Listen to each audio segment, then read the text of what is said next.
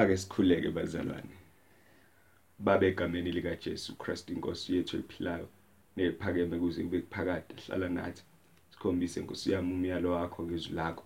Siqondise Nkosi yami usifundise ukuba uNkulunkulu wethu onamandla onke sikuzwe senze intando yakho. Silondoloze ngokukholwa usigcine egameni lika Jesu Christ inkosi yethu. Nangalesi sikhathi sivuselele ebusuku ngoJesu Kristu onamandla onke. Kusukela ngalesikhathi kuze kube kuphakade. Amen. Asifunde bazalwane izwi likaNkuluNkulu eh silithola encwadini yamahubo Mahubo 27 verse 1 to 4 la kufundeka khona kanje uJehova ungukukhanya kwami nensindiso yami ngiza kwesaba bani na? uJehova uyinqaba yokuphila kwami ngiza kuba novalo ngobani na? Ekusondeleni kwababi kuba badle inyama yami abamelene nami nezitha zami bayakhubeka bawe. Noma impi imisa ngakimi inhliziyo yami ayisabi. Noma ngivukelwa ngukulwa nokho nginethemba. Kunye engikuceleke kuJehova ngiyakufuna khona ukuba ngihlale endlini kaJehova izinsuku zonke zokuphila kwami. Ukubona ubuhle bukaJehova ngibuke ithempeli lakhe. Baba siyabonga izwi lakho. Elinamandla khuluma Nkosi yami ngalo kithini ebusuku. Egameni lika Jesu siyale usiqondise ngalo. Kusukela ngalesikhathi kuze kwekuphakade amen. Eh ngibingelele bazalwane egameni lika Jesu Christ inkosi namhlanje kusihlwa ngifuna sikhulume ngokuba nethemba kuNkulunkulu ngokuba eh confident eh kuNkulunkulu. So kukaningi ke ukuba abantwana bakaNkuluNkulu baye bakhohlwe amandla uNkulunkulu anawo bakhohlwe ubukhulu bukaNkulunkulu uma bevukelwa zinkinga uma bevukelwa ukulingwa uma bebhekana nezimo ezibhlungu bakhohlwe abanye baze babuyele endleleni zabo zaphambilini. Kodwa namhlanje ngifuna sibheke le ndaba yokuba nethemba kuNkulunkulu. Being confident in the Lord. Eh la isifunde khona ke bazalwane Davide ubhala ihubo eh ihubo ke elifamous kona kakhulukazi ngo verse 4 abazalwane abaningi cishe bazolikhumbula and abaningi banawo emqondeni uverse 4 wakhona. Kodwa ke uthi eh uma eqala indaba yakhe athi uJehova ungukukhanya kwami nensindiso yami ngiza kwesaba bani? Uma ethi uJehova ungukukhanya kwami eh kulokhu ngifunde ukuthi uveza irelationship anayo noNkulunkulu. Uma ethi uJehova ungukukhanya kwami kusho ukuthi unabo ubudlelwane noNkulunkulu. There is why emthatha embeka azathi ungukukhanya kwami. So uma ke ethi ke ungukukhanya kwakhe usho ukuthi yena akahambe bumnyameni usho ukuthi eh yena uvikelekile ukhuselekile uyabona indlela yakhe icacile ngoba uNkulunkulu ungukukhanya kwakhe.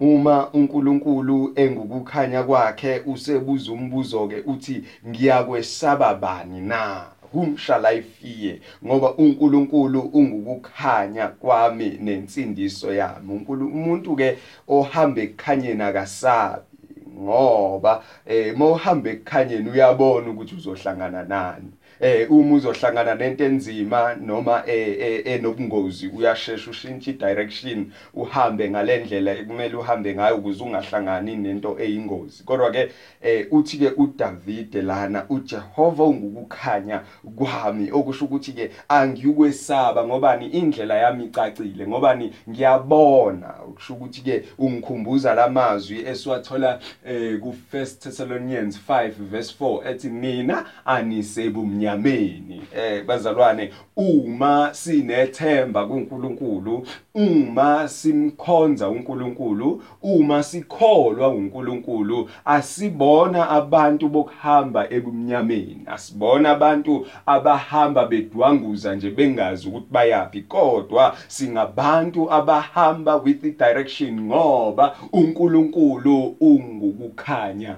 kwethu.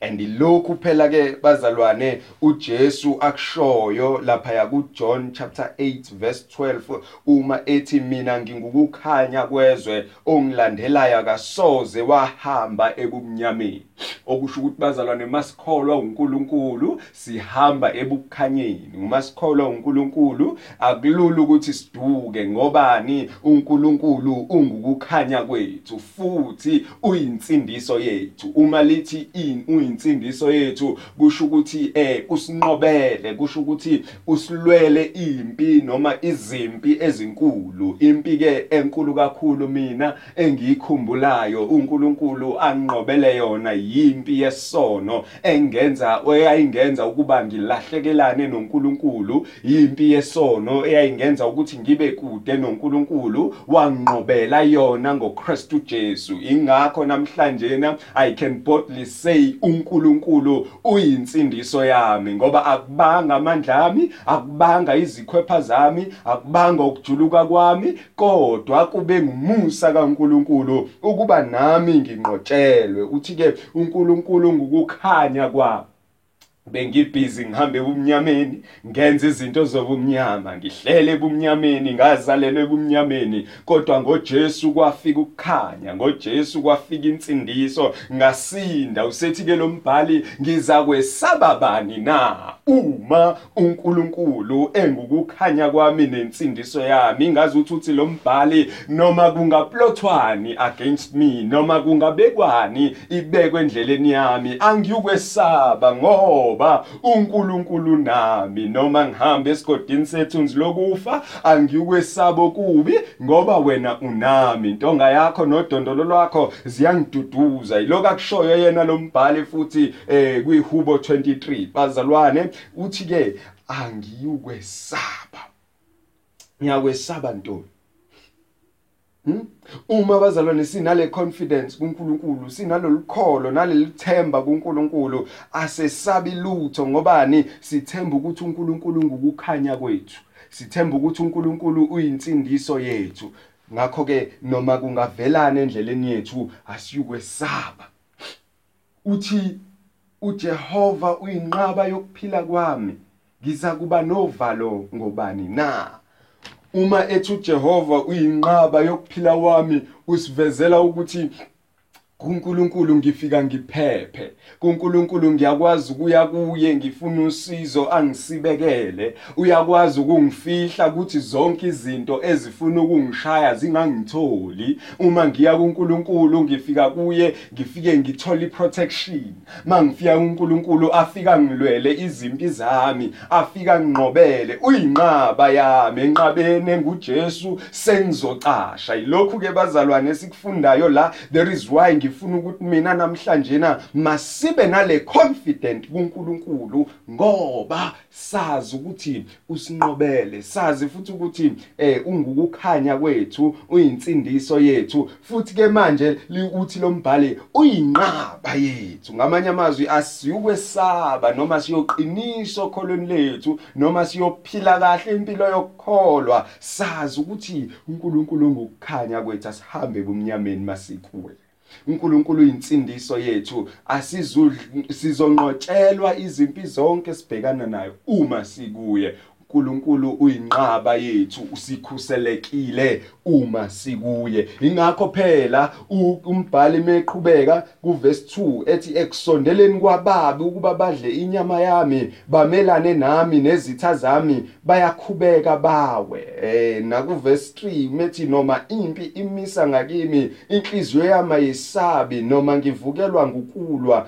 nokho nginethemba. Noma ke izitha zami bezingakuhlose zikuhlosayo noma abantu bebengakuhlosa bakuhlosa noma abantu bebengabuka isimo sempilo yanamhlanje na bese bayatatazela. Uthi lo mbhali mina ngikwazi ukutatazela. Uthi lo mbhali mina ngikwazi ukwesaba ngikwazi ukufikelwa uvalo ngoba uJehova ungukukhanya kwami ngoba uJehova uyinsindiso yami ngoba uJehova uyinqaba yami. Ngamanye amazwi mangikuye ngiphephile mangikuye ngiyazi ukuthi kuzokwenzakala icebo lakhe ngempilo yami lokhu ke bazalwane engifuna sibe nethemba ngako kuNkulunkulu ukuthi ungukukhanya kwethu.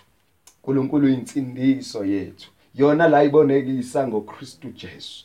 Yona la sivezela yona kuKristu Jesu Jehova uyinqaba yethu. Noma kungavelani noma kungakhulunywani noma kungaba nzima kanjani esikhathini esikuso kodwa let not your faith be shaken. Themba kuNkulunkulu kholwa kuNkulunkulu yiba nethemba kuNkulunkulu zindle ngezwi likaNkulunkulu uhlale ebukhanyeni ngoba asisekho ebumnyameni. Thina salandwa sabekwa ekukhanyeni ngoKristu Jesu. Ngakho ke asibe nethemba sazi ukuthi izimo nezimo ezisivukelayo uNkulunkulu sizosinqobela zona ngoba impi enkulu seyanqotshwa. Bazalwane njengalokhu eh sikhuluma indaba yokuba nethemba kuNkulunkulu abanye eh babazalwane baneyinkinga eh ezibavukelayo usuku nosuku. Abanye babhekana nenkinga eyodwa njalo abanye babhekana nezinkinga eziningi njalo. Kodwa abazalwane nakuzona lezo inkinga have faith in God. Iba nethemba kuNkulunkulu be confident about your God. Ukuthi nalesimo obhekene naso uNkulunkulu wami asimehluli. uNkulunkulu wami unamandla kunaso. Siyisizwe siyabubula njengamanje siyakhala njengamanje sikhala umkhalo wodwa ukuthi makube khona ikhambi lalesife lisikhungathe ekangaka kodwa siyazi sonke ukuthi masingabhekisa amehlo ethu kuNkulunkulu usizo lizoba khona. Uma sonke sizozincengela kuNkulunkulu wethu ngoba uyena onamandla. Uma engathandi ukuba sisizakale angeke sisizakale kodwa methanda sizosizakala. Eh siyami lapho ke lithi ke lelizwi eh uJehova ungukukhanya kwami nensindiso yami ngiyakwesabani. uJehova uyinqaba yami eh ngiyakwesaba ntoni na? Bazalwane asibe naleli themba kuNkulunkulu. Uma sinaleli themba masimazi kanjena uNkulunkulu eh asibi nalo uvalo. Uma simazi kanjena uNkulunkulu siyazi ukuthi eh nantoni nantoni esibhekana nayo uNkulunkulu uzokusinqobela ngoba uyasithanda uyasinakekela uyasalusa. Uyasibheka njalo esibheke njalo ngomusa. Akasibheki ngokufanele izono zethu kodwa usibheka ngokufanele umusa wakhe. And sizo-eda njengalombhali waleli hubo eh i-confidence yethu size sithi noma izitha zethu zingahlosa izimpi zibeke abamahashi balanda amahashi abo ukulwisana nathi abemcibilisholo balanda imcibilisholo yabo ukulwisana nathi. Kodwa abayukuphumelela bayo stumble they will stumble eh bawe bakhothame eh, ngobani? Impi yethu thina asizilweli yona ngezikhwepha zethu kodwa uNkulunkulu osilwelayo. Ilokhu umbhala kusho bazalwane ngiyakwesaba bani ngoba eh bazalwane uma uNkulunkulu engakithi akekho ongamelana nathi. So bazalwane asibuyeleni ke siye kuNkulunkulu sibe naleli themba lokuthi noma ngathiwa kuvelana endleleni yethu sibe naleli themba lokuthi noma ngathiwa sihlangabezana nasiphi isikhathi kodwa asazi ukuthi uNkulunkulu uza kusinqobela asazi ukuthi uNkulunkulu uza kusikhulula asazi ukuthi uNkulunkulu uyasikhathalela asazi ukuthi uNkulunkulu ngukukhanya kwethu uyinsindiso yethu uyinqaba yethu. Inqaba ke esikhusela kuyo inqaba ke esicasha kuyo idwala lethu laphakade. Sethi ke lombhali bazalwane eh kunye engikucele kuJehova ngiyakukufuna khona. Ukuba ngihlale endlini kaJehova izinsuku zonke zokuphila kwami ukuba ukubona ubuhle bukaJehova ngibuke ithempeli lakhe. uJehova ke njengalokhu eyisi ewukhanya kwami eyinsindiso yami eyinqaba yami uthi ke lo mbhali ngingazukwesaba kukodwa engikucelile futhi lokhu ngiyakufuna. Ukuhlala ethempelini ngibone ubuso bukaNkuluNkulu. Kuhlala endlini kaNkuluNkulu ngibone ubuhle bakhe. Ngibone amandla akhe. Bazalwane ngifuna sikubheke kanjena ke lokhu akusho lana umbhali ukuthi njengalokhu uNkulunkulu engilwela uNkulunkulu enginqobela kuNkulunkulu ngifike ngicashe kusho ukuthi mina ngifika kuye ngirelaxe. Uthi ke lo mbhali iyodwa into engiyifunayo iyodwa into futhi engizoyilandelela engiyicele kuJehova ukuhlala endlini yakhe. Nginethezeke ngiphole ngibuke ubuso bakhe ngibuke ubuhle bakhe. Ngisho ngamanye amazwi bazalwane kusho ukuthi eh sifanele thina uma sinale confidence kuNkulunkulu ukuhlala simethembe uNkulunkulu ukuhlala simdumise uNkulunkulu ngoba vele into esiyenza kangcono nekufanele ngabe siyayenza thina siyabazalwane ukumkhonza uNkulunkulu ukumnika udumo ngoba asimnika uNkulunkulu udumo kuphela sesinqobele kodwa simnika uNkulunkulu udumo nsuku zonke. Zonke zokuphila kwethu ngamanye amazwi bazalwane uthi ke lo mbhali eh ilokhu ke ngikufunayo ilokhu futhi engiya kukulandelela ukuba ngihlale endlini kaJehova. Since uNkulunkulu engilwela since uNkulunkulu enginqobela since uNkulunkulu ngikhuseleke engikhusela kusho ukuthi mina ngizozihlupha ngokumdumisa kusho ukuthi mina ngizozihlupha ngokumnikeza udumo nenkazimulo kumfaneleyo. Yebo mhlawumbe kwamanje amasonto asavaliwe kodwa ngizakumdumisa ngempilo impilo yami. Ngiza kumdumisa ngihlele ekhaya ngiza kumdumisa ngizivalele endlini ngiza kumdumisa ngiza kumethemba ngoba uyidwala lami ngoba ungukukhanya kwami ngoba uyinsindiso yami. Lokhu bazalwane sikufundayo namhlanje kuleli hubo. Ukuthi uma uNkulunkulu esilwela thina ke ake sihlale phansi sizindle ngobuhle bakhe. Sizindle ngokuthembeka kwakhe sizindle ngobukhulu bamandla akhe sizindle ngobuyena uqobo simnikeze udumo lumfaneleyo simnikeze izibongo ezimfanele ngoba yena he is there in the war fighting for us ukuba thina asinqobele. Ngakho ke let us be confident in the lord. Sazi ukuthi nankinga nankinga nantoni na futhi esiveleleyo endleleni yethu. uNkulunkulu uyasilwela futhi uyasinqobela. Ayinibusise bazalwane inkosi nisake emakhaya nibe naleli themba kuNkulunkulu. Ibani nalomundla ibani nalomfutho wokuthi impela inkosi iyangiqobela impela inkosi iyangilwela impela inkosi nami impela inkosi ayingishiyile. Inkosi yomusa mayinibusise asikhuleke. Babe egameni lika Jesu Kristu waseNazaretha siyabonga. Kwaze kwayintokozo ngosiyami phinda sizwe kuwe nkosiyami usivuselela usigqugquzela ukuba sibe nethemba Nkosi. Kuba sikukhonze Nkosi.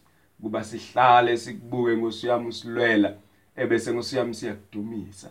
Egameni lika Jesu Kristu waseNazaretha baba wethu onamandla onke ilowo ngosiyami esifisa ukwenza ukuba sikunikeze udumo lukufaneleyo ngoba wena uyinkosi ephakemeyo uyinkosi enamandla nesinqobelayo. Thatha udumo nenkazimulo ube ngosiyami nesizwe sethu sonke. Siphe ngosiyami ukunqoba egameni lika Jesu sesiside isikhathi sishikashikeka egameni lika Jesu sihleli ngokwesaba ngenxa yenkinga esibhekene nayo. Baba iphupho libetha amandla? Yipha ngosiyami eh abantwana bakho amandla ukuba siqine nasokukholweni wandisa ibandla lakho Nkosi usivuselele ngoJesu Kristu Inkosi. Thatha udumo nangalesi sikhathi uvikele ibandla lakho nabantwana bakho bonke egameni lika Jesu Kristu Inkosi yethu ephilayo nephakeme kuze kube kuphakade amen.